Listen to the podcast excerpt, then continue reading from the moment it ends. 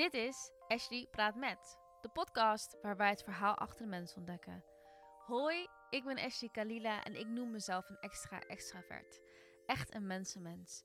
En door de pandemie miste ik sociaal contact enorm. Dus ben ik de podcast begonnen om opnieuw verbinding te maken met mensen. Verwacht echte, diepgaande gesprekken die inspireren, je raken, je aan het denken zetten en ook nog eens erg interessant zijn. Volg de Instagram at Praat met podcast en delen met je vrienden is natuurlijk hartstikke leuk. Ben je echt mega fan, dan kan je ook een donatie schenken. Ga naar www.ashleypraatmetpodcast.nl forward slash doneren voor alle info. Elke euro wordt natuurlijk enorm gewaardeerd. En nu geniet van de aflevering en ik hoor graag wat je ervan vond. Hallo. Hi. We zijn allebei een beetje zenuwachtig omdat we best wel vriendinnetjes zijn. Ja, En we kennen elkaar zo goed. ja. Ehm, maar het is een hele andere setting ja dit is heel gek. Ik ja. voel het, ik hoor het ook in mijn stem. Doordat ik nerveus ben, word jij ook nerveus. denk ja, ik. hou op, Charles. Ja, straks. Nee. Heel eventjes nog. Hoe voel je je? Ja, ik ben heel nerveus. Ik Ja. vind het echt een beetje eng. Ik vind het al eng sinds je me gevraagd hebt, vind ik het al eng. En maar waarom heb je toch dan ja gezegd? Ja, omdat ik, dit heel, ik, omdat ik het zo leuk vind dat je dit doet. En eh, ja, ik, ik wil hier ook aan meedoen, zeg maar. Ja. Ik, ben er zo, ik ben er zo enthousiast over. Ja, Dus ik wil daar ook onderdeel van zijn, denk ik. ja. Well, your dream is coming true. Ja. Nou ja, ik heb jou dus gevraagd omdat je bent nu 31. Zo, ik moest even Ja, nadenken. Nou, ik dus ook. Ja. Ik dacht vanmorgen ook, ben ik nou 31 of 32? Nee, maar ik ben, ben Ja. nog steeds 31. 31. Ja. En ehm jij bent eigenlijk zo goed als grijs. Ja. Bijna helemaal, toch? Ja. Ja. Een heel klein beetje zwart. ja, ik ben nog aan de achterkant nog een heel klein beetje eh, ja, Ja. donkerbruin, denk ik. Oh, het ziet er zwart uit door, door het grijze. Ja. Maar goed, en ik vond het wel interessant, want ik heb dat hele proces meegemaakt. Ja, Zullen we het daar eventjes over hebben? ja zeker. Dus wanneer werd je, merkte je dat je grijs aan het worden was? Ik werd al grijs op mijn achttiende. En ik heb echt... Toen had ik de eerste grijze en witte haren. En eh, ik heb een aantal jaar de grijze en witte haartjes eruit geplukt. En toen dat niet meer te verbloemen was, toen eh, ben ik eh, gaan verven. Ja, dus toen was ik denk ik 23 toen ik voor het eerst ging verven. Ja. Nou, Want het is volgens mij ook een, echt een Indo-kwaaltje, toch? ik weet niet zozeer. Ik heb het van mijn moeder en die is Nederlands. Oh, echt? Die was ook al zo vroeg eh, grijs. Ja. Oh. Dus, eh, en mijn zusje, die, eh, nou ja, goed, die is nu 30. En daar zie ik wel de eerste witte haartjes bij hoor. Maar ik weet niet zo of dat echt aan het Indo zijn ligt. Ja. En wanneer heb je dus besloten, dus je was 23 toen je begon met verven. Ja. Wanneer heb je dus besloten van, ik ga niet meer verven? Nou ja, het was toen ik zwanger was. Toen ging mijn haar heel snel groeien. En eh, je moet voorstellen, ik was op mijn 23ste ging ik verven. En ik was op mijn, was ik 27 of 28 toen ik zwanger was? Nou ja, goed, een aantal jaar. Nino is nu 3,5. Ja, Dus je was 27 denk ik. Ja. En eh, dus ik was al best wel een aantal jaar verder, waar dus best wel ook een aantal witte en grijze haren erbij waren gekomen. Maar toen ik zwanger was, ging mijn haar heel snel groeien. Echt heel snel groeien. Dus ik moest steeds eh, sneller naar de kapper. Eerst was het om de zes weken en toen heel lang om de vier weken. En toen ik zwanger was en nadat ik Nino had, ging mijn haar zo groeien dat ik merkte dat ik om de twee weken naar de kapper moest. En het was ook gewoon niet meer. Ten eerste kostte het heel veel geld. En ik was wel een beetje zo verwend dat ik het dan niet zelf wilde doen. Want het was ook wel lekker om naar de kapper te gaan. Er werd mijn haar ook gestyled en zo. En, maar met zo'n kleintje was het ook niet meer te doen. Want ik zat best wel twee uur bij de kapper. En toen hij echt nog heel klein was, kon ik hem wel meenemen. Maar op een gegeven moment ging dat gewoon niet Oh, meer. je was zo cute. Ja, hij was echt heel schattig. Ja. Ja. Ja. Dus, dus je was dus nu drie, drieënhalf jaar dus. Nee, langer eigenlijk. Bijna vier jaar dan. Ja, ja het gaat echt snel.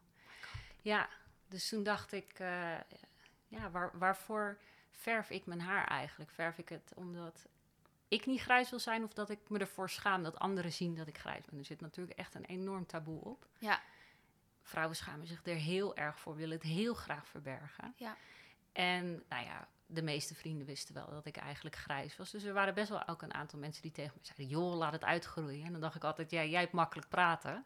is toch wel even een heel ander verhaal als het jouw hoofd is. Maar ja, op dat moment besloot ik gewoon van, ik ga gewoon kijken. Ik had het wel eens eerder geprobeerd. Ik ben even een tijdje in Indonesië geweest, weg van alle bekenden hier. Toen dacht ik, ik ga het daar proberen. En toen had ik ook een redelijke uitgroei, maar ik durfde niet terug naar Nederland te komen daarmee. dus toen heb ik het weer geverfd voor de, vlak voordat ik naar Nederland ging. Dus dit was mijn tweede poging en ik heb het gewoon doorgezet. Grambra heet het toch? Ja, de, de combinatie tussen ombre en grey. gra- ja, Ja, gra- het, volgens mij is dat echt soort van de vrouwen... het is een soort beweging. Zo, ja, zo heb ik tenminste. Ik leerde het pas kennen nadat ik het besluit had gemaakt. Ja. Kan je dan op Instagram vinden. Dat zijn allemaal vrouwen die nog. Nou ja, alle vrouwen van alle leeftijden. Want Ja. ook vrouwen van 50, 60 struggelen hier gewoon mee om hun haar uit te laten groeien. Zie je ook aan mijn moeder. Die is ook eh, bijna 70 en die gaat nog stug. elke, elke zoveel weken verft ze het nog steeds. Echt? Ja, zeker. Terwijl, als ik kijk naar jouw haar... eh, ik ga ervan uit dat het een beetje... dat haar haar hetzelfde lijkt. Ja, dat zou daar ook wel. echt heel mooi staan. Ja, dat denk ik ook wel. Maar ik denk dat het ook wel moeilijker wordt naarmate je ouder wordt. Er is ook een enorm taboe op ouder worden en ouder uitzien. Zeker Ja. als vrouw. En ik denk dat het voor haar, zij zegt ook, ja, als mijn haar nu wit is, zie ik er nog ouder uit. ja. Dus ergens snap ik het wel. Maar tegelijkertijd denk ik, ja, weet je, waarom niet? En wat voor reacties krijg je nu? Ik krijg nu eigenlijk alleen maar hele positieve reacties. Ik heb eigenlijk nog nooit een negatieve reactie gehad. Ik denk dat heel veel mensen wel dachten van... wat is dit nou weer? Zeker toen ik met die uitgroei liep. Want ik heb, heel, ik heb er twee jaar, tweeënhalf jaar over gedaan om het uit te laten groeien. En dat is echt heel zuur eigenlijk. Want je loopt heel de tijd met zo'n grijze band op je hoofd. En die wordt dan ook ja, steeds aanweziger. Ehm, maar nooit heeft iemand tegen mij iets negatiefs erover gezegd. Ja. En nu krijg ik echt wel heel veel... Kijk, het is natuurlijk ook lang een trend geweest om grijs haar te hebben en wit haar te hebben. Dus ik heb ook regelmatig mensen die zeggen... oh, wat mooi, waar heb je dat laten doen? Echt? Ja, heb ik echt heel vaak gehad, ja. Terwijl, ik, ik vind het... het Vind is, ik ook. Het is heel natuurlijk. Ja, vind ik ook. Ik vind dit er helemaal niet geverfd uitzien. Nee. Maar mensen kunnen ook niet... Ik ben nog best wel jong natuurlijk. Dus mensen kunnen ook niet gelijk geloven dat, dat ik of grijs haar heb... of dat ik de keuze gemaakt heb om het zo te laten groeien. Dus ja. eigenlijk denken ze omdat je gewoon een hele mooie vrouw bent... dat je, dat je zo ijdel zou zijn om het, ja, om het echt wel te laten Ja. verven... in plaats van laten... Ja, ja, ik denk dat. eh, en het is gewoon natuurlijk echt. Ja, niet veel mensen maken de keuze. Ja. Al zie ik steeds meer vrouwen op straat waarvan ik denk: hé, hey, daar wordt niet meer geverfd. Heel goed. En dan, is het, dan knikken jullie ook naar elkaar of zo? Nou ja, ik heb het ooit een keertje op mijn werk gehad toen ik nog in een restaurant werkte. Er was een meisje, ik denk echt dat zij net zo oud was als ik. En die had net zo'n grijs haar als ik. En ook niet meer, zeg maar, gewoon echt gewoon heel aanwezig grijs. En je zag ook dat, dat, dat het niet. Eh, dat ze. Ik denk zelfs dat zij nooit geverfd had. Mm. Dat denk ik. En we hadden echt zo. We hebben het niet tegen elkaar gezegd, maar even zo'n verstandshouding knikje van. Good job, weet je wel. Want het is wel hard werken. Het eerste anderhalf jaar heb ik me echt zo ontzettend zelfbewust gevoeld. Heb ik echt gedacht dat iedereen alleen maar naar me keek omdat ik grijs haar had. Dan moest ik echt uitkomen. En dat is niet heel bewust gegaan, maar dat, ja, je went eraan of zo. Mhm. En het is ook heel, het is nog steeds gek om mezelf in een weerspiegeling te zien.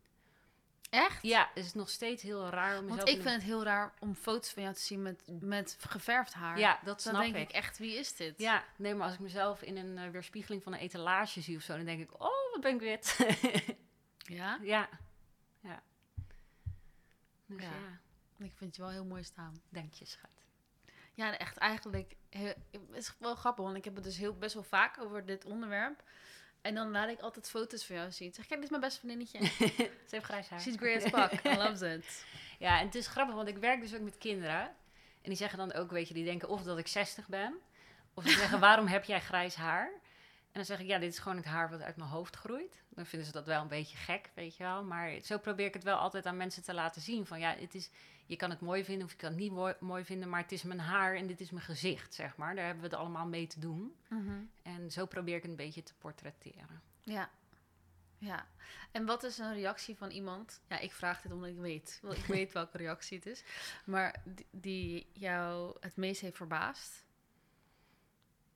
Ik weet niet welke re- Oh, reactie- ik moet denken aan die jongen op de scooter. Oh ja, dat was leuk. Ja, dat was echt leuk. Ja, toen liep ik met de kinderwagen over straat. En toen, hij, hij reed op een scooter en hij stopte vlakbij mij. En toen, volgens mij zei hij iets van, joh, heb je dat geverfd? En toen zei ik, nee, dat is mijn echte haar. En toen zei hij echt uit zichzelf van, wat ontzettend gaaf, wat knap van je. Wil je het alsjeblieft nooit meer verven, zoiets in die richting? En dat was zo leuk. Een jonge gozer toch Het was echt een jonge gozer. Ja, ik denk eh, tussen de 20 en 25. En eh, echt een hele stoere gozer om te zien ook. Dus ik vond ook, weet je wel, niet zo iemand die... eh, maar was echt leuk, ja.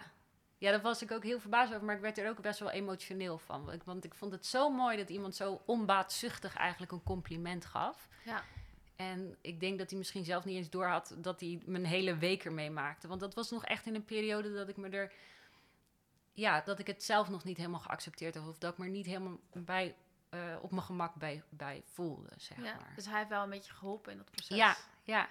Ja, dat was heel erg leuk. En ik, moet, ik moest eigenlijk denken aan die keer dat wij in, de, in een winkel waren, in een kledingwinkel waren. En dat er een heel jong meisje achter de kassa stond en die toen tegen mij zei van... Oh ja. eh, wat is uw haar mooi. Ja. En ik heb het vorige week nog gehad. Er was een vrouw een hond aan het uitlaten. En die zag me staan. En die zei: Wat heb je schitterend haar. En dat was dan weer een vrouw van een jaar of eh, 60, 70. Dus ja. Leuk. Ja, Wel eigenlijk heel erg leuk dat er zoiets natuurlijk dan zo positief op wordt gereageerd. ja eigenlijk wel. Ja. En wat is de, de bijnaam die jouw kinderen jou hebben gegeven op school? die heb ik niet.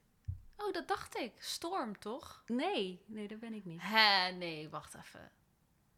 Heb ik dit gedroomd dan of zo? Ja, misschien. Ik dacht dat jouw kinderen op school jou Storm oh nee, dat is denk ik op mijn oude werk. Zie je? Ja, maar dat is heel lang geleden. Nu je het zegt, denk ik, oh ja, dat is waar, ja. Ja, Ja. dat is geloof ik, eh, dat is van een cartoon of zo. Ja, van Marvel. Ja, ja, daar ben ik niet zo bekend mee. Oh, nee, maar ja. inderdaad, dat klopt. Oh, dat is echt lang geleden. Wat leuk dat je dat nog herinnert. Ja, maar het is grappig toch? want Ik, ik heb andere ervaringen over jouw haar dan wat jij zelf Ja. kan bedenken. Ja, Storm. ja, dat is waar. Dat vind ik wel mooi, ja. ja. Nu we het hebben gehad over je werk. Wat voor werk doe je nou precies? Nou, ik ben eh, leerkracht op een cluster 4 school. En cluster 4 zijn eh, kinderen die ehm, te maken hebben met gedragsstoornissen, zo noem je dat eigenlijk. En ehm, het is speciaal onderwijs. Dus dat onderwijs is dan ingericht om kinderen die een hulpvraag hebben te begeleiden in onderwijs en op andere vlakken ook wel, socia- sociaal-emotioneel bijvoorbeeld. En ik ben dan leerkracht in de AS-klas. Dus de kinderen die ik eh, lesgeef, die hebben een vorm eh, van autisme. En waar heb je gekozen om dit soort werk te gaan doen? Oorspronkelijk ben ik hulpverlener. Dus ik heb een eh, opleiding, dat was toen de tijd nog de SPH, Sociaal Pedagogisch Hulpverlening. Dat is nu social work geworden, heb ik gedaan. En terwijl ik die opleiding deed, ik vond mijn opleiding erg leuk, maar ik wilde toch altijd het onderwijs in. En eh, toen ik in het tweede jaar van de SPH zat, toen heb ik heel kort de overstap gemaakt naar eh, eh, de opleiding voor leerkracht Nederlands, maar dan op middelbare onderwijs. En toen kwam ik daar en toen dacht ik, nee, dit is toch niks voor mij. Want op de SPH werden we heel erg ja, open opgeleid. Dus om met alle soorten mensen eh, daarmee te gaan werken. En als leerkracht had ik het gevoel dat het heel erg verpakt was van... zo geef je onderwijs en ja, de uitzonderingen, die bedenk je er zelf maar bij, zeg maar. Heel recht toe, recht aan. Toen ben ik heel snel weer terug naar SPH gegaan. Maar toen dacht ik wel, ik wil wel ooit in het onderwijs werken. En wat, ik daar altijd, wat me daar altijd zo aantrekkelijk aan leek, was denk ik... Ik vind het heel interessant hoe mensen dingen leren. Mhm. Hoe, hoe mensen dingen in zich, tot zich nemen, zeg maar. En zeker bij kinderen. Dus ik heb eerst heel lang in de, nou ja, heel lang, drie jaar, in de jeugd GGZ gewerkt. En toen heb ik een overstap naar een school gemaakt. En eh, ja, Blij mee? het is, een, eh, het is een hele wilde rit geweest en nog steeds, moet ik zeggen. Ik, had Ja. een heel, eh, ik kom dan uit de jeugd GGZ, dus ik had echt wel ervaring met kinderen die zowel een gedragsproblematiek hadden of een ontwikkelingsproblematiek hadden, maar die ook ehm, een vorm van autisme hadden of ADHD of weet je. En eh, ik had een heel romantisch beeld van het speciaal onderwijs. Dus ik dacht echt dat is een soort combinatie tussen onderwijs en begeleiding en misschien zelfs wel behandeling. Ja, dat kan ik niet doen, behandeling hoor. Maar dat zit er allemaal in elkaar geweven. En dat is toch wel in de praktijk is dat toch wel heel anders. Ja. Want als je leerkracht bent, ben je dus gewoon leerkracht. En is jouw taak om onderwijs te geven. ja. En dat, ja, daar had ik een heel romantisch beeld van. Dat ik een soort van allround leerkracht, SPH, hulpverlener, therapeut was of zo, weet je wel. Maar dat is toch heel anders. Ja. Ja. Ja. En ik weet natuurlijk van je verhaal dat jouw werk heel pittig is. Ja. Eh, ja. Hoe ga je daarmee om? Want ik, jij, want de manier hoe jij met die kinderen omgaat, zo ben jij van nature totaal niet. Nee. nee, dat moet ik heel eventjes uitleggen. De, de, ehm, de kinderen waarmee ik werk hebben een zware gedragsproblematiek. Ja. Ehm, met wat voor reden dan ook. Dat kan dan uit hun, eh, uit hun autisme voortkomen. Het kan uit de thuissituatie voortkomen. Het kan uit allerlei dingen voortkomen. Leerproblemen, faalangst, noem het maar op. Het kan allerlei redenen hebben. Ik ben in de jeugd GGZ was ik heel erg gewerkt om heel belevingsgericht te werken. Dus te zeggen van, oh goh, je, bent- ja, dan klinkt het wel heel schattig allemaal, maar goh, je bent boos of goh, je bent verdrietig. Waar komt dat vandaan? Zullen we het samen onderzoeken? En ook gewoon daarin meegaan in dat gevoel. Ook al denk je, ja, dit klopt niet helemaal of zo. Je gaat daar gewoon in mee. Tenminste, ik ga daar gewoon mee, in Ja. mee, laat ik het zo zeggen. En in onderwijs, of in ieder geval op de school waar ik op werk, eh, hebben we een veel gedragsmatige aanpak, veel meer dan belevingsgericht. Dus daar zijn gewoon, als je, nou ja, denk maar aan hoe je zelf vroeger in de klas zat. Er zijn regels. Je mag niet zomaar opstaan. Je mag niet gillen in de klas. Weet je, je moet je vinger opsteken voordat je wat zegt. Dat is veel gedragsmatiger dan, dan ja, aan je emoties toegeven of eh, aan je impulsen toegeven. En eh, ja, mijn aanpak is wel echt dat belevingsgerichte. Dat heeft zeker mijn voorkeur. Maar als leerkracht moet ik toch dat gedragsmatige veel meer eh, aansturen. Dus dat is inderdaad, ja, dat is, dat is soms wel echt een kloof tussen hoe ik persoonlijk ben en hoe ik dan in mijn werk moet zijn, inderdaad.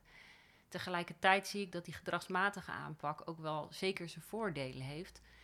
Kinderen die eh, op het speciaal onderwijs hebben, hebben ook een, ja, vaak een bepaalde hechtingsproblematiek. En dan is er eigenlijk niks veiliger dan hele duidelijke richtlijnen, hele duidelijke structuur, een hele duidelijke aanpak die altijd hetzelfde is. Ja. Dus het maakt niet uit of ze boos, verdrietig of blij zijn. De aanpak blijft hetzelfde. Ja, heel consequent. Heel dus. consequent. Want kinderen kunnen zich pas veilig voelen in bepaalde kaders. Ja. En als dat te open is, dan hebben ze te veel ruimte, wordt het verwarrend, onvoorspelbaar. En dat is heel spannend voor ze. Dus ik moet nog steeds, ben ik daar heel erg mee bezig om die kaders in te bouwen. Maar tegelijkertijd ook mijn eigen kaders inbouwen. Want ik merk dat ik dat zelf ook niet zo heb.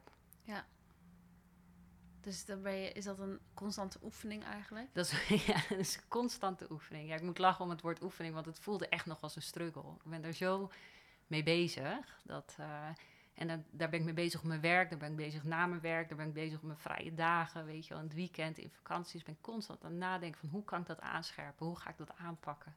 Hoe kan ik zorgen dat, weet je wel? En als je dan zegt, je bent aan het aanpakken, is dat heel erg voor die kinderen, maar is het, heb je het ook nu over je eigen leven?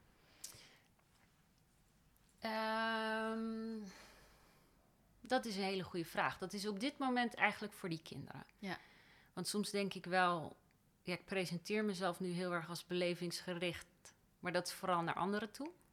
Ik denk dat ik voor mezelf heel veel kaders en heel veel grenzen en zo heb gesteld, die ik juist weer wat moet afbouwen, zodat ik ook wat belevingsgerichter naar mezelf eh, kan zijn. Ja, ja. Ja, want je zit in therapie. dat klopt. Ja. Al een, eh, ja, al een flinke tijd. Ik denk toch wel zo'n vier jaar. Ja. Ja. Nou ja, ja als, het is nodig, toch? Ik bedoel, als Ja. het, eh, het, is, het is, blijft een oefening natuurlijk. Ja, zeker. En het is ook wel, ja, ik doe dan een, eh, een bepaalde therapievorm, dat is psychotherapie. Je hebt heel veel therapievormen die bijvoorbeeld korter van traject zijn, maar dan ga je je ook op andere dingen concentreren. Ga je bijvoorbeeld, wat ik net ook noemde, gedragsmatig kijken. Weet je, Mhm. mensen die bijvoorbeeld ehm, eh, woedeproblemen hebben. Die kunnen dat het misschien wel het snelst oplossen door naar hun gedrag te kijken. Dus eerst naar tot tien tellen, weet je, dan krijg je bepaalde handvaten daarin. Of handvatten moet ik geloof ik zeggen. Hier mag je alles Oké, zeggen. hier mag het Ik beide. bedoel, mijn Nederlands is echt terrible. dus op zich, Ja. Ehm, Weet je, dus dat is heel gedragsmatig. En dat kan je in een korter traject kan je jezelf dat aanleren. Wat ik probeer, of wat ik aan het doen ben de afgelopen jaren, is dus eh, psychotherapie. En dan ga je terug naar dingen van je jeugd bekijken. Je gaat terug, je gaat kijken naar patronen. We kijken naar de dromen die ik heb. We kijken naar, ja, eigenlijk gewoon de, de gedachten en gevoelens die zo diep in mij geankerd zijn, waar je niet zomaar bij kan. Ja. En ja, het is, het is eh, veel gesprekken voeren, heel veel gesprekken voeren. En soms voer ik weken gesprekken en kan ik niet bij, dat, bij die emotie die ik dan moet zoeken. Daar kan soms heel lang overheen gaan. En als ik daar dan eenmaal ben, is dat een enorme overwinning. En dan moet je weer naar de volgende stap. Dus dat kan heel lang duren, ja. Ja. Ik ben wel heel trots op je dat je dit, dat je de, de avontuur nog steeds aan het aangaan Ja. bent. Om, want het is heel moedig om eigenlijk dit aan te Ja. gaan. Ja, en dat voelt niet altijd zo. Om, niet dat ik denk dat het niet moedig is. Maar therapie of hulpverlening of wat dan ook vind ik helemaal niet zo abnormaal. Ik denk ook omdat ik zelf die opleiding Ja, heb gedaan, denk- weet ja. je wel. Ja. Dus dat is dan, voor mij voelt dat niet zo heel bijzonder of zo. Ja. Wat, ja. Ik denk dat het inderdaad door je, door je achtergrond. Maar als je gaat kijken naar onze maatschappij, is, is in therapie gaan nog steeds een soort taboe, weet je? ja, ja, Wat jammer is. ja, eigenlijk wel. Maar het is natuurlijk ook een heel spannend proces waar je echt klaar voor moet zijn. Ja, je komt gewoon echt je, ziek hard jezelf tegen. Je komt jezelf heel erg tegen. Ja. Ja. Ik denk dat het voor iedereen anders is. Ik kom mezelf ook regelmatig tegen, maar dat is voor mij meer een opluchting of zo. Ja. Dat Ja. ik dan, ja, dan voel ik me gewoon, hoe, als ik iets heel moeilijks tegenkom, dan ben ik eigenlijk opgelucht dat het er is of zo. Ik weet het niet. Of dat ik, dat ik daar dan iets bij voel. Is het dan omdat je dan weer in een, in een dieper laag van jezelf bent terechtgekomen? Ja, zo zeg je het heel mooi. Misschien niet dieper laag, maar wat dichter bij mijn echte Ja, maar dat bedoel ik. Ja, Ja. ja. wat, wat dichter bij de echte ik of zo. Ja, dat klinkt heel eh, cliché. Ja, maar ik- clichés kloppen. ja, clichés zijn er niet voor niets. Maar dat vind ik altijd wel heel moeilijk om... eh, ik, ben, ik ben constant bezig met echt mezelf zijn, net als met mijn haar, weet je wel. Echt mezelf zijn en probeer dingen niet mooier te, te maken dan dat ze zijn. Maar het is een enorme... Ja, dat is echt een uitdaging. Ja, maar ik denk dat dat een uitdaging is dat, dat heel veel mensen hebben, maar dat Ja. ze niet daar heel bewust van zijn. Nee, en dat, de- ja, dat, ik heb best wel, moet ik heel eerlijk zeggen, moeite met mensen die dat nog altijd zo blijven uitdragen. Hè, van het perfecte plaatje, perfecte leven. Ik heb deze struggle, maar ik los het heel goed op, weet je. Daar heb Ja. ik, ik heb daar altijd best wel moeite mee. Confronteer je die mensen ook daarmee? Nee, nee, dat gaat me echt te veel, de, dat, dat kost me echt te veel energie. Ik vind het al moeilijk om rond dat soort mensen te zijn. En het kost me echt te veel energie om daar tot op de bodem, nou ja, dat is misschien wat overdreven, om daar een beetje in te graven en te roeren, zeg Ja. maar. Ja. Zullen het hebben over een andere therapeut in je leven? En ik heb het niet over wat je denkt dat ik het over ga hebben. Ehm, Nino, je zoontje. Ja, Dat, want dat is ook een enorme therapie-spiegel, toch? ja, zeker weten. Dat begon al toen, eh, voordat ik Nino kreeg, wilde ik overal bij zijn. En wilde ik alles doen. En, en voelde ik me vreselijk als ik niet bij, bij dat evenement was. Of eh, weet je. En toen ik Nino kreeg, toen moest er opeens heel veel structuur komen. Want hij moest dutjes doen. En hij kon helemaal niet zoveel aan, want hij was net geboren. en, eh, dus ik moest plotseling naar huis en eh, zitten wachten tot zijn dutje klaar was, zeg maar. En toen was, pas merkte ik hoe moe ik was en hoeveel, hoe erg ik die rust zelf nodig had. Ja. Dus dat was een hele goeie. En ik zag ook hoeveel met Nino ook. Ik was in het begin zo bang om iets verkeerd te doen. Mhm. En dan bedoel ik hem niet, dan bedoel ik het niet dat hij iets verkeerd te eten krijgt of dat hij van de trap afklettert of zo. Maar Nee. ik was zo bang dat als ik iets fout zou doen, dat hij dan getraumatiseerd eruit zou komen of zo. Daar heb ik ik- heel lang mee rondgelopen. Ik moet denken aan een gesprek die jij met Betty had, mijn vriend, over dat elke dag aan het einde van de dag ga je het hele dag doornemen om te kijken waar je het fout hebt gedaan. ja, ja. En waar het beter kon. Ja, klopt. Heel heftig. Ja, Ja, dat. klopt. Kost heel veel energie. Ko- ja, kost heel veel energie. Ja, dat heeft me echt eh, in de begintijd... eh, nee, genekt is niet het goede woord, maar heeft me heel veel gekost. Heel veel energie gekost, ja. En misschien is dat ook wel een beetje logisch, omdat je net, net moeder bent. Tuurlijk, het is zo'n verwarrende, intense periode. Dat is het echt. Dat is het echt. Weet je, en dan is alles eng en alles spannend. Tenminste, voor mij was alles eng en alles spannend en alles zo overweldigend. Echt alles was zo overweldigend. Ja. En, eh, ja. Heeft het ook te maken met het feit dat jij er best wel laat bent achtergekomen dat je zwanger was? Ehm, nou, dat weet ik niet zo goed. Ik denk dat... de- Want je was 17 weken, toch? Ja, ik was 17 weken zwanger toen ik er, erachter kwam eh, dat ik zwanger was. Ja. En daarvoor had ik, niet, eh, had ik geen idee. Dus dat was ook een hele bijzondere periode. Maar ik moet zeggen, toen ik eenmaal dus wist dat ik zwanger was... De zwangerschap zelf, of tenminste wat er van overgebleven was... want ik had al heel snel een baby opeens... Maar ehm, heb ik zo als zo liefdevol en zo positief ervaren. Ja. Dat, want ik kreeg zo immens veel steun van iedereen om me heen. Mensen waren zo blij voor mij en Oscar. Echt zo blij. Mensen verheugden zich zo erg op de komst van Nino. Mensen worden ook zo ontzettend veel zachtaardiger naar je toe als je dus zwanger bent. Weet je, vrouwen komen op je af. En weet je, je hoort natuurlijk heel vaak mensen die zeggen, vrouwen die zeggen die zwanger zijn van. Ja, ze gingen opeens aan mijn buik zitten en zo, weet je wel. Nou ja, dat, dat, daar, daar heb ik van genoten. Dat vond ik geweldig als er dan weer een vrouwtje naar me toe kwam. En weet je, zo van, mensen zijn zo blij voor je. Dat is echt, dat heb ik nog nooit zo meegemaakt. Echt bijzonder. Ja. En eh, ja, we, we hadden een hele korte voorbereidingstijd voor de kleine. Maar we hebben van mijn neef en nicht, die hadden al een aantal kindjes. Hebben we spullen voor de babykamer gehad. En ehm, ik heb nog een hele mooie babyshower gehad met al mijn vriendinnen. was echt heel bijzonder. Ja, Ja. het was een schitterende tijd, mijn zwangerschap. Ja. Eigenlijk was die shock dat, dat ik zwanger was en zo lang al, was heel snel voorbij. Ja. Omdat iedereen zo blij was. Ik weet dat, dat je mij belde toen jullie net de echo hadden gehad.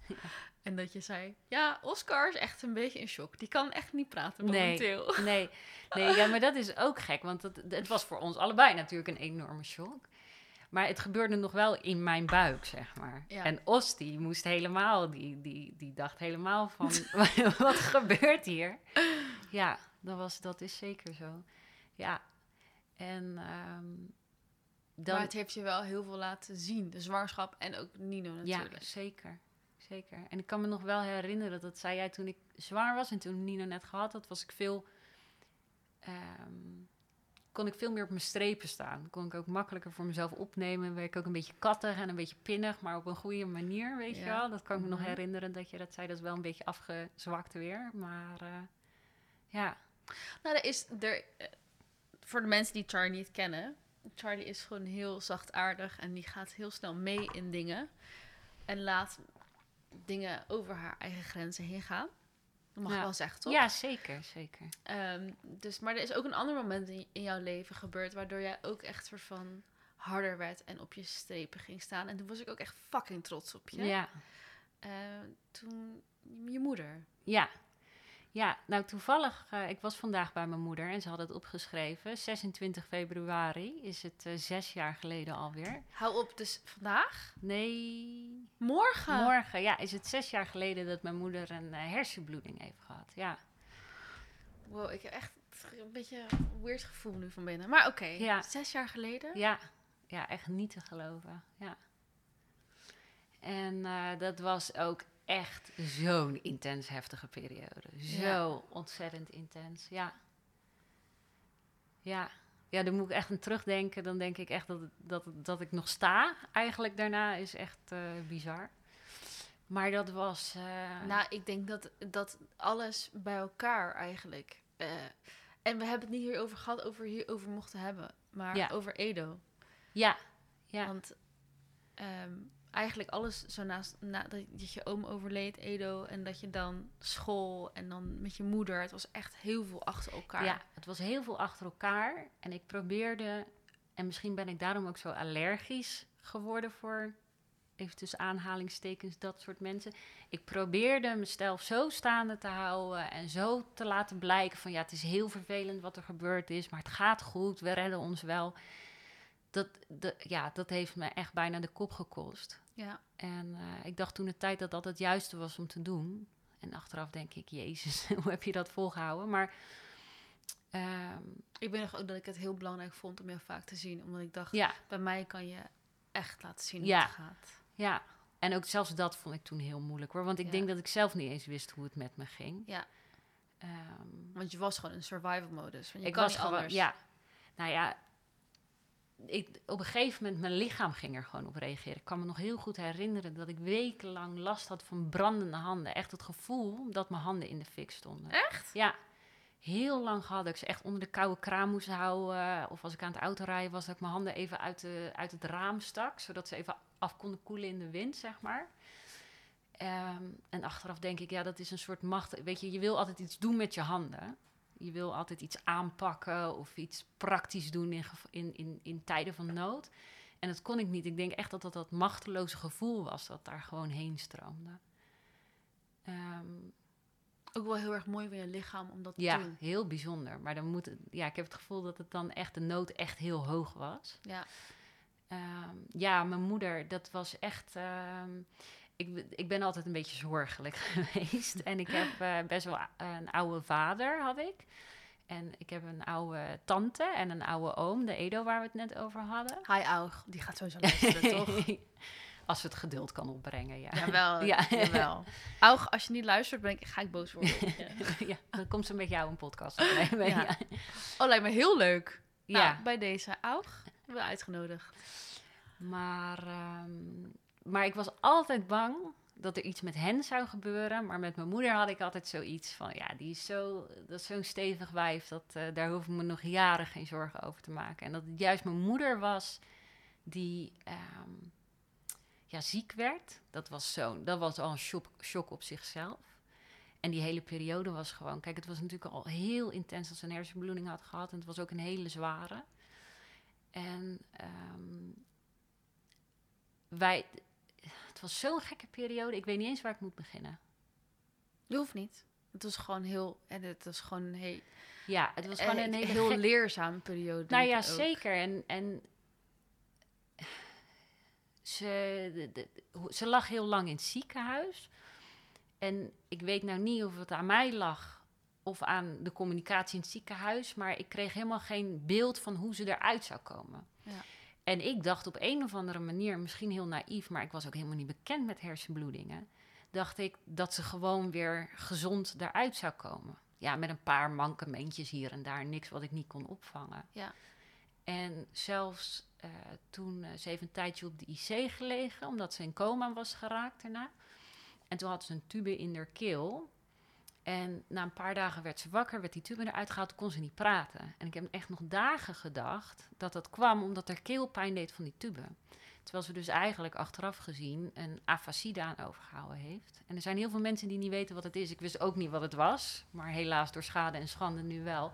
Dat is dus dat je een beschadiging in je hersenen hebt, waardoor je spraakgebied of je taalgebied geschaad wordt. Ja. Dus een afasie is eigenlijk ja, dat je je woorden niet meer kan gebruiken. Zoals zij weet niet, zij, zij weet niet meer dat ik Ashley heet. Nou, zij noemt mij het meisje, toch? nou, inmiddels wel. Ze is natuurlijk een heel stuk verbeterd, jawel. En ze kan het zelfs, want ik zei, ik had verteld natuurlijk dat ik naar jou toe ging. En ze heeft je naam ook opgeschreven, dus dat kan allemaal wel hoor. Ja. Daarin is ze echt wel verbeterd. Ehm, maar ze heeft, volgens mij is het woordvinding 0 tot 5, zeg maar. Dus wij hebben woordvinding 5. Nou, zij heeft- nou, ik weet niet hoor, woordvinding vijf ja, misschien heb jij drie, maar Ehm, zij heeft woordvinding 0. Dus ja, ze kan heel moeilijk op woorden komen. En als ze erop kan komen, is het heel moeilijk uitspreken voor Ja. haar. Ja, Maar toch, communiceer, jij snapt haar wel, ik toch? snap haar heel goed. Mijn zusje en ik snappen haar allebei heel goed. Dat komt omdat we haar heel goed kennen. En ik weet ook altijd, ja, dat is wel grappig. Mijn moeder heeft altijd van die, heeft ze altijd al gehad van die onderwerpen waar ze altijd over praat. En daarvan is bijvoorbeeld het weer. of de, de folders van de supermarkt, zeg maar. Ik weet eigenlijk altijd wel wat ze bedoelt. En eh, hoewel mijn moeder eigenlijk de woorden niet meer kan gebruiken, is ze nog steeds heel communicatief. En Ja. daar hebben we wel echt geluk mee gehad. Want vaak ehm, mensen met een afasie verliezen ook het vermogen om bijvoorbeeld geluiden na te doen, of iets uit te beelden, of iets aan te wijzen. Ja. Of ze kan nog lezen. Ze snapt hoe ze met de telefoon een foto moet maken. Dus als ze iets wil laten zien, kan ze er een foto van maken en naar me opsturen, weet je. Dus dat gaat allemaal best wel goed. Ik heb één keer bij de slager meegemaakt. Toen waren we bij de slager en toen wilde ze, ik weet niet eens meer wat ze wilde. En ik kwam er niet uit, ik wist niet wat ze wilde. En de slager wist niet wat ze wilde. En ze stond er echt op dat het meeging naar huis. En op een gegeven moment werd het echt een raadspelletje. En ging iedereen in de slagerij eraan meedoen. En zelfs de glazenwasser kwam op een gegeven moment naar binnen om te helpen, om te ontdekken wat ze wilde. En ze heeft het nog uh, meegekregen ook, uiteindelijk. dus dat zegt wel wat over haar doorzettingsvermogen, ja. Ja. Terwijl echt heel, want ze woont nog zelfstandig, toch? Ze woont zelfstandig, zeker, ja. Ja. Ja. Het is wel echt heel erg mooi om te zien dat ze... Ja, tuurlijk, dus er is wel bepaalde... Ja, maar wat ik zeg, kijk, dat had, al- het is echt een pittig wijf. Het is echt een pittig wijf. Ja, het is echt, eh, zelfs op haar zwakst was ze nog steeds ijzersterk. Ik weet ook nog wel, ze kon echt, ze kon niet eens zitten in het ziekenhuis, maar ze probeerde wel uit bed te klimmen, weet je wel, dat soort dingen. Dus zo, ja, zo zie ik haar ook echt, ja. Ja. Nee, niet klein te krijgen. En je vader is eh, vorig jaar overleden. ja, die is vorig jaar 10 juni overleden, ja. Jeetje, dat is alweer bijna... Ja, het gaat echt heel snel de tijd, Mhm. ja. Was ook wel een beetje gek. ehm, want hij woonde in Indonesië. Dus hij was heel ver weg. En ehm, het was ook best wel plotseling. En mijn vader was niet in super gezondheid. Want hij bewoog een beetje te weinig en hij at een beetje te veel. Dat zeg je heel mooi. Ja, dat, hij was daar heel eigenwijs in. Maar, ehm, dus hij was niet in supergezondheid. Hij had ook hartproblemen en hij had suikerziekte.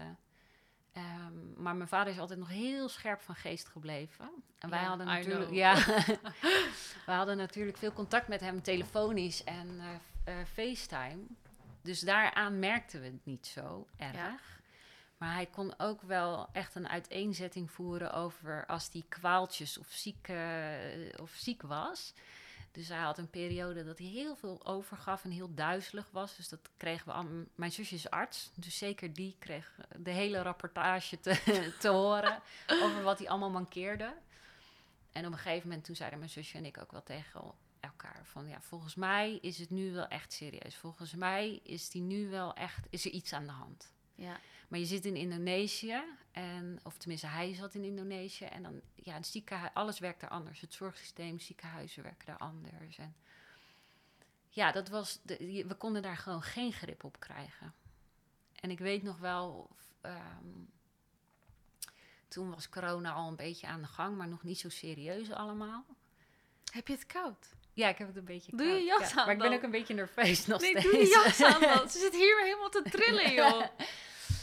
Ehm, Nee, doe even Ja, je jas aan, alsjeblieft. Je moet, het is juist de bedoeling dat je ontspannen bent en niet hier. Ja, want ik ben zo'n ontspannen mens. Ja. Zo, Beter. beter. Ik kan ook mijn dikke jas even pakken voor je als je Nee, wil. dit is goed. Kan je over je benen heen leggen? Nee hoor, dankjewel. Oké. Wel lief van je. maar ik denk ook omdat het nog steeds een gevoelig onderwerp is. Daar word ik dan ook een beetje... Snap ik. beetje Trillig. Trillerig. ja, trillerig van. Ja. Ja. Ehm, ja, ik weet nog wel dat ik tegen mijn zusje toen zei van... Zullen we erheen gaan? Want ik had in mei vakantie. En toen dacht ik, zullen mijn zusje en ik samen eventjes... Nou ja, eventjes. Eventjes twee weken naar Indonesië gaan. ja. Gewoon om te kijken hoe het met hem is. Dus je, Maar ja. je voelde het dus wel een beetje aan Ja. eigenlijk stiekem. Ja, ik voelde wel aan dat het echt niet goed ging. Ja. En dat kon ik een beetje tussen de regels doorlezen, ja. Maar waarom ben je uiteindelijk niet gegaan door corona? Ja, ja. Kijk, ik weet natuurlijk niet of we echt gegaan waren. Want het is nogal een onderneming, ook omdat ik Nino heb. En ja, mijn zusje die moest een tijd vakantie nemen. Kijk, ik had vakantie van school. Maar ja, zij moest ook nog alles gaan regelen. En het is peperduur, weet je wel. Dus ik weet ook niet of we echt gegaan waren. Maar we, hadden, we hebben het er wel serieus over gehad. En dat geeft bij mij wel aan dat wij ook echt serieuze zorgen hadden. Ja. Maar goed, ehm, ja, dat kabbelde zo een beetje voort. Totdat, die, eh, totdat ik hem een keer op de FaceTime had. Op een zondag was dat, had ik hem op de FaceTime. En hij had helemaal blauwe armen, helemaal blauw en paars. Ik zeg, joh, pap, wat is dat, joh? Ja, weet ik niet zo goed. Ik zeg, ben je gevallen? Ja, niet echt, zegt hij. En ehm, ja, dat was heel opvallend. Maar hij... hij, diabetes dan of zo? ja, ik weet niet wat het was. En dat is dus ook zo gek. Op woensdag is hij dus overleden. En ehm, Drie dagen later dus. ja. Terwijl we op zondag, ja, wat ik zeg, hij was scherp bij geest. Hij had alleen die, eh, die gekke plekken. En eh, ja, toen is hij overleden en we weten nog steeds eigenlijk niet helemaal waaraan. Ja. Dus dat is aan de ene kant, ja, dat kon. Dat is misschien ook wel tekenend voor mijn familie dat we dat ook niet tot de bodem gaan uitzoeken of zo. Ik denk dat het ook wel moeilijk is natuurlijk, omdat het systeem in Bali zo Ja. anders is. En mis- misschien wist het ziekenhuis het zelf ook niet wat, wat nee, het was. nee. Het is gewoon inderdaad heel gek als je met, met, eh, met een ander land te maken hebt, inderdaad. Maar goed, ja. Dus dat was eh, in, zijn, eh, in de lijn der verwachting toch wel heel onverwachts op een of andere manier. Wel een schok dat het nu echt zo ver was. En eh, ja, ook wel, wel, wel verdrietig, omdat we natuurlijk nergens bij konden zijn. Ja, Het is heel gek dat iemand waarvan je zoveel houdt overlijdt. En dat je geen. Je hebt niet de dingen zoals.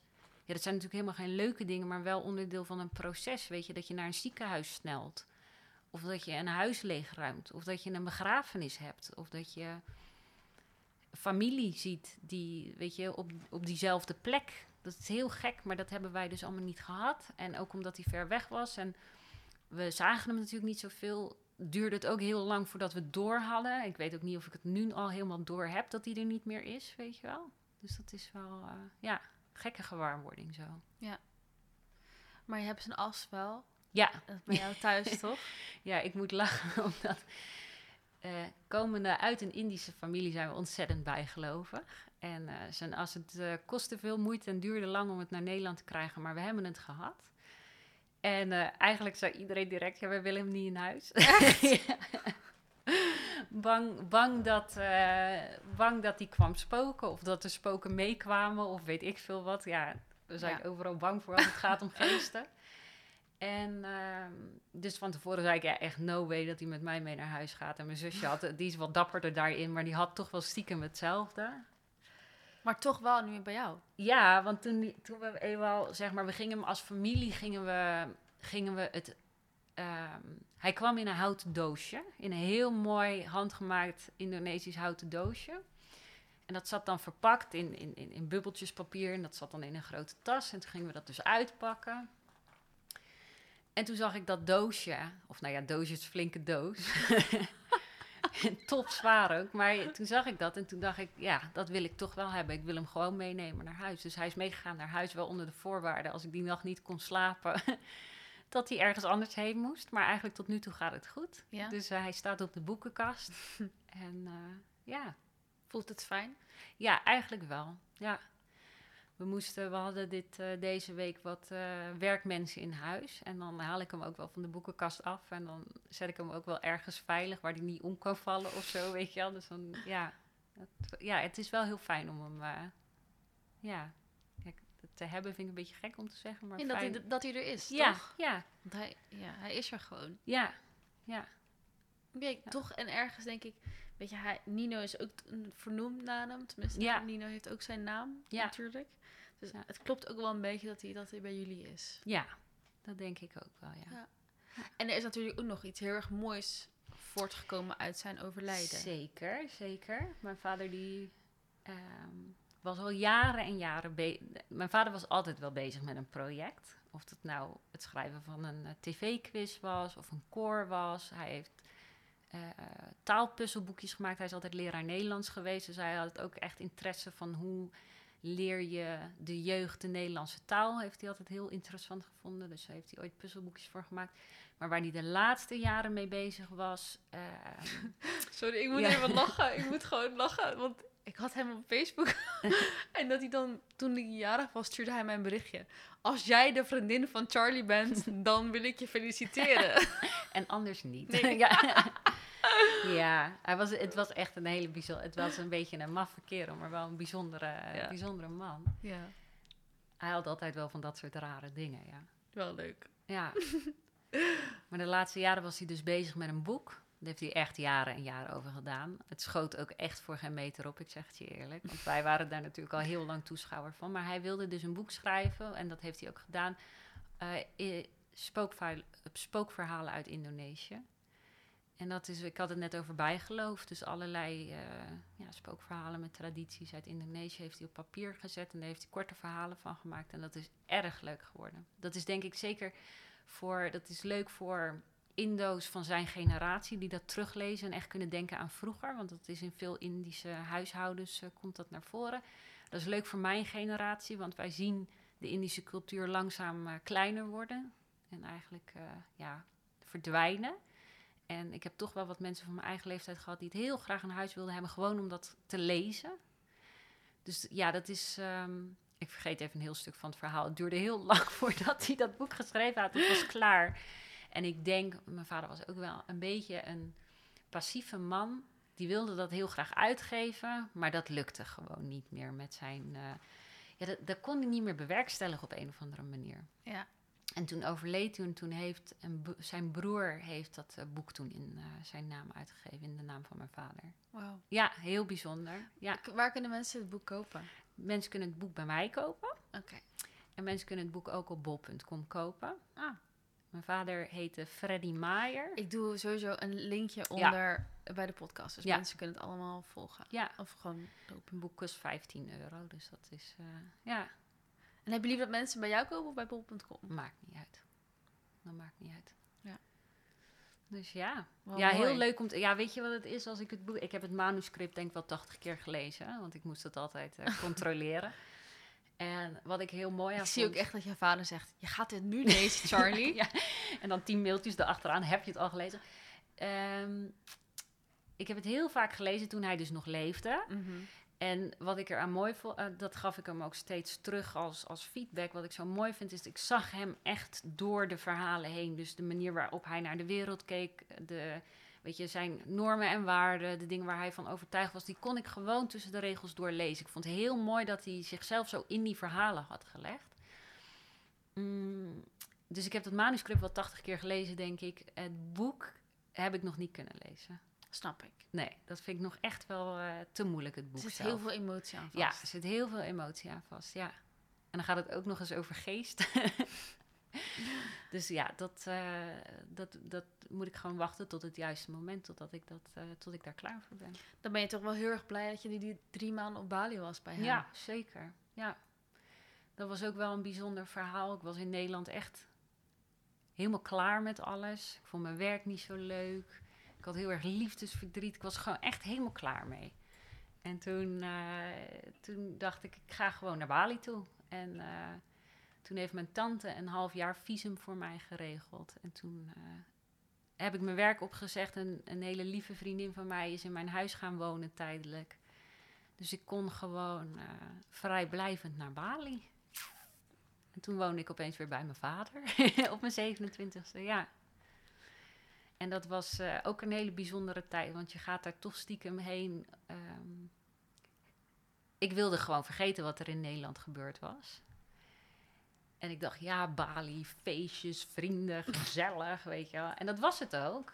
Alleen dan kwam je thuis en toen merkte ik toch wel hoeveel in Nederland ik me liet afleiden door de tv aan te zetten. Of toch nog even naar de kroeg te lopen. Of toch nog even met die vriendin af te spreken. En dat was in Bali niet zo makkelijk meer. Ik had daar wel vrienden, maar je moest toch wel even drie kwartier op de scooter zitten om daarheen te gaan bijvoorbeeld. En eh, ja, tv was er ook niet echt. Daar begreep ik niks van. en toen zat ik daar opeens met al mijn gedachten en eh, gevoelens. Dat was confronterend, ja. ja. Dat was En ook nog, en ook nog eh, verliefd worden op Oscar eigenlijk over de, te- over de telefoon. Nou, Nou, je was wel verliefd. ik, ja, ja. De, een week voordat ik naar Bali ging, had ik opeens een date met Oscar. ik ken Oscar al heel lang. Sinds ik 21 ben en hij 17 is, want we schelen een aantal jaar. En ehm, dus ik zag Oscar ook ja, als vriend, maar ook niet, heel, niet als een hele serieuze vriend of zo. Daar ging ik af en toe een biertje mee drinken. En toen eh, vonden we het allebei een reuze goed idee om een week voordat ik naar Bali ging op een date te gaan. En eh, toen eh, zat ik tegenover hem in de kroeg en toen keek ik hem aan. En toen deed hij heel onhandig zijn lange haar achter zijn oor. En ik voelde echt een soort van bliksemschicht van boven komen. En toen dacht ik, ik ben verliefd op hem. nou ja, hele onhandige timing. Dus ik ging eh, een week later naar Bali. Terwijl ik smoorverliefd was, was op eh, Oscar. En Was je geworden. nacht, de nacht voordat je vertrok toch voor het eerst gezoend. Ja, ja, ja. Eén zoen. En toen ging ik naar Bali. Smoorverliefd. ja. En toen kwam ik terug. En toen eh, had ik natuurlijk geen huis, want mijn lieve vriendin zat erin. Ik kwam dus eerder terug. Ja, ik kwam eerder terug, want ik wilde naar Oscar toe. En, eh, maar ik had, ik had geen huis, dus toen heb ik nog even bij Oscar gewoond. Ja. En Eh. sindsdien zijn we eigenlijk samen. We hebben nooit meer een dag eh, zijn we apart geweest. Nou ja, ook omdat jullie dan toen heel snel zwanger zijn geworden. Dat ook, dat is ook een goede reden. Ja. ja, dat is waar. Nee, maar ik denk ook als dat niet gebeurd was, dat we, dat we nog steeds eh, samen waren geweest. Zeker weten, ja. Ja, we hebben elkaar wel gevonden, kan ik zeggen. Ja. Ja. ja. Echt een gezin, hè? Met Echt Nino een erbij. gezin, ja. Moest zo groeien. Moest zo groeien. Dat was voor ons allebei echt wel zoeken. We hadden natuurlijk nooit over gehad hoe, dat, hoe wij allebei vonden hoe dat eruit moest zien. Eigenlijk ook, nou ja, zeker Oscar niet over nagedacht. Kijk, ik werkte nog met kinderen, weet je wel. En Ja, nee, jij had altijd wel het gevoel van jij wil mama zijn. Ja, nou ja, Oscar had daar nooit twee seconden over nagedacht. Dus eh, dat... eh, Poep, en toen was Nino er. ja. ja, die heeft dat fantastisch opgepakt. Maar daar hebben we, we, we hebben daar met heel veel liefde in gestoken. Maar we hebben daar heel hard aan gewerkt. Ja. Echt, echt, dat gaat niet zomaar. En ik weet nog wel dat Nino net geboren was. En we zaten, en hij lag eindelijk te slapen om weet ik veel hoe laat. En we zaten tegenover elkaar aan de eettafel. En ik met een deken over mijn hoofd heen. En nou ja, alles deed pijn. En we waren moe. En het was echt. En toen zeiden we ook tegen elkaar: Nou, als je voor de romantiek een baby wil nemen, dan eh, moet je dat niet doen. Want er is echt niks romantisch hier aan. Maar ja, we zijn enorm gegroeid. samen. We zijn zo gegroeid samen. Ja, echt heel bijzonder hoor. Ja, heel mooi. Ja. Je moet gelijk denken aan een van de laatste keren in jullie oude huis. Ja. Dat ik wegging en dat jullie zeg maar... Nino, die was weg die avond. Ja. En dat jullie eigenlijk zeiden van... Ja, we gaan eigenlijk alleen maar naar filmpjes en video's van Nino kijken... en gewoon alleen maar lachen. Ja, nee, maar dat is, ja, dat is echt erg. Als, als, als Nino dan een nachtje uit logeren is en toen was de kroeg dan bijvoorbeeld nog open, dan had, had ons drie biertjes op of zo. Dan wordt hij een beetje sentimenteel. En dan gaat hij, is, gaat hij met al zijn vrienden om hem heen, gaat hij ook zijn filmrol openen en dan al die filmpjes van Nino laten zien. Ja, het is echt te leuk, maar dat doen we dus ook als we samen zijn. Dan gaan we zitten kijken. En soms ook als Nino slaapt, je zit wel op de bank. Dan, ja, hij is echt gezellig. Hè? Ja, hij is zo gezellig, ze me weer wakker maakt. Nee, maar dat hebben we dus wel heel erg. Ja, ja. Ja, Nino is een heel bijzonder kindje. Ja, het is een heel, heel grappig manneke, zeker. Het is een heel temperamentvol kind. Het kan echt, hij kan oh, zo, zo driftig worden. Zo driftig. En hij kan ook zo lief, zo ontzettend lief zijn. En hij is heel gezellig, hij is dol op mensen. Hij noemt, noemt iedereen ook gelijk zijn vriend, weet je wel. Ja. En hij heeft echt een olifantengeheugen. Echt, hij kan echt ma- iemand maanden niet zien en nog precies weten wanneer hij hem gezien heeft en wat ze toen gedaan hebben, zeg maar. Vind ik heel bijzonder. Ja. Ja. ja. Hij is gemaakt voor de gezelligheid, ik het Hey, zo maar wat zeggen. leuk is, het leuke is dat dit gaat gewoon forever online staan. Dus over wat, 10, 12, 12 jaar tijd gaat Nino dit ook gewoon luisteren. Ja. Hey Nien, oh, wat toch leuk? Ja. Oh, Ja, ik moet, nou ja, ik moet eraan denken. Hij heeft natuurlijk heel veel bijnamen. dus eh, Oh. ja, Nino werd Piep. Nien, werd Pien, werd Piep. Is nu, werd Piepeloen. Is nu inmiddels, zijn bijnaam is in ieder geval nu Loen Loen. dat, is- dat is heel leuk als hij drie is. Maar straks zit hij dus in de puberteit en dan hoort hij deze podcast. Hey Loen Loen. Vind ik heel leuk. ja, dat vind jij heel leuk. Ja, ik vind dat ook heel leuk. Maar hij heet Nino. Nino. Hij heeft genoeg namen en één daarvan is Nino. Dus dat, eh, ja. Ehm, we gaan een beetje afsluiten. Maar ik wil het eigenlijk hebben over iets anders heel erg leuks. Ja.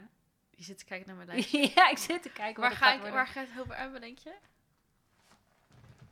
Waar wij elkaar ontmoet hebben, lieve schat. Ah, of course. Spirit. Spirit. Ja, Op de Mariniersweg in Rotterdam. ja. Vegetarisch-biologisch restaurant. Ja. Ja, zeker. Dat was ook een eh, hele, hele bijzondere en indrukwekkende tijd. Zeker. Ja. Prachtig. Ja, eigenlijk wel. Het is eigenlijk de tijd waar het het slechtst met me ging.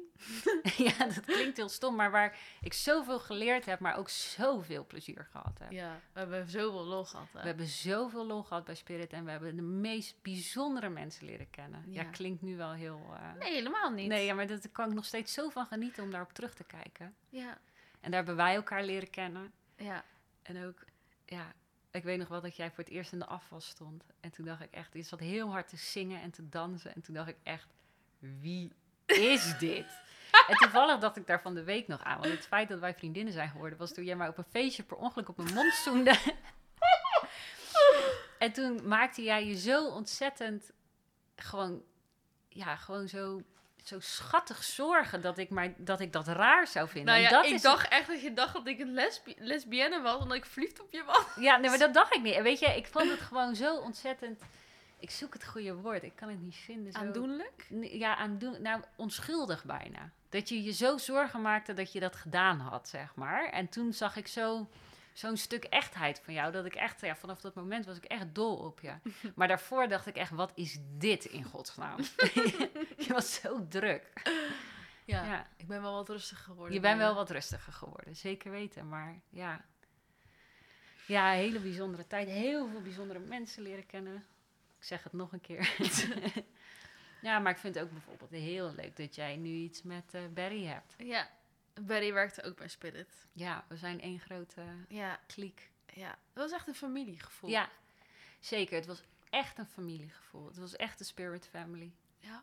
En nog steeds heb ik dat wel. Ja, we spreken elkaar. Ja, wij spreken elkaar heel veel. En ik zie Barry daardoor ook wel regelmatig. Maar de mensen die we minder spreken, voel ik nog steeds alsof het gewoon mijn nichtje of mijn neefje is. die je gewoon al een tijdje niet op een ver- verjaardag bent tegengekomen of zo. Ja. ja.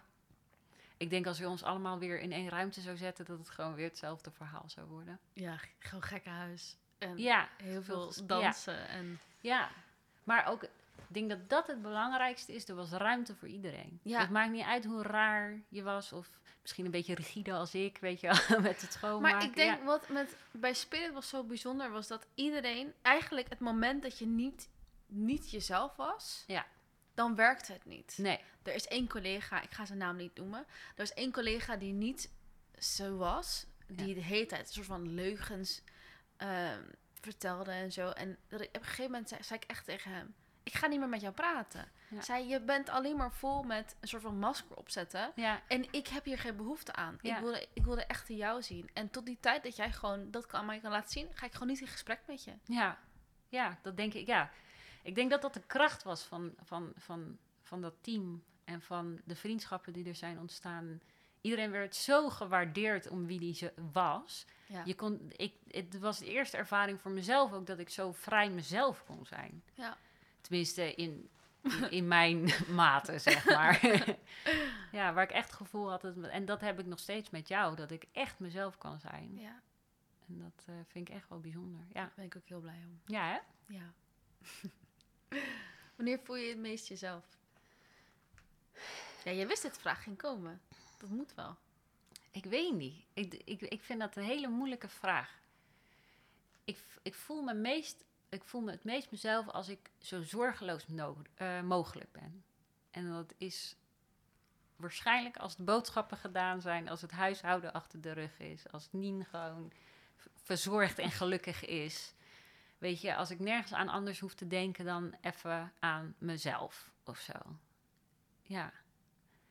Dus dat is niet per se een plek of zo, of, of een moment, maar dat gevoel, dan eh, ja. Dat een beetje alles geregeld is. Ja, en daar wil ik eigenlijk een beetje dus vanaf. Ik wil juist me ook me prettig en mezelf kunnen voelen als niet alles binnen die kaders klopt, zeg maar. ja. Mooi. Nou, Dankjewel. ja, Ja, we zijn, het is, het is zijn echt heel snel gegaan. I know. Ja, Ben je blij mee? dat dat vind ik nog een beetje moeilijk om te zeggen. Ik heb het gevoel dat ik heel erg gerateld heb. Nee, en dat ik heel veel gepraat heb en jij heel weinig. Nee, maar dat maakt niet uit. Ja. Het ging toch om jou? ja, maar het, het had meer een gesprek moeten zijn misschien. Nee, Charlie. Het is precies hoe het moet zijn. Ja, daar heb je ook wel gelijk in. Ja, toch?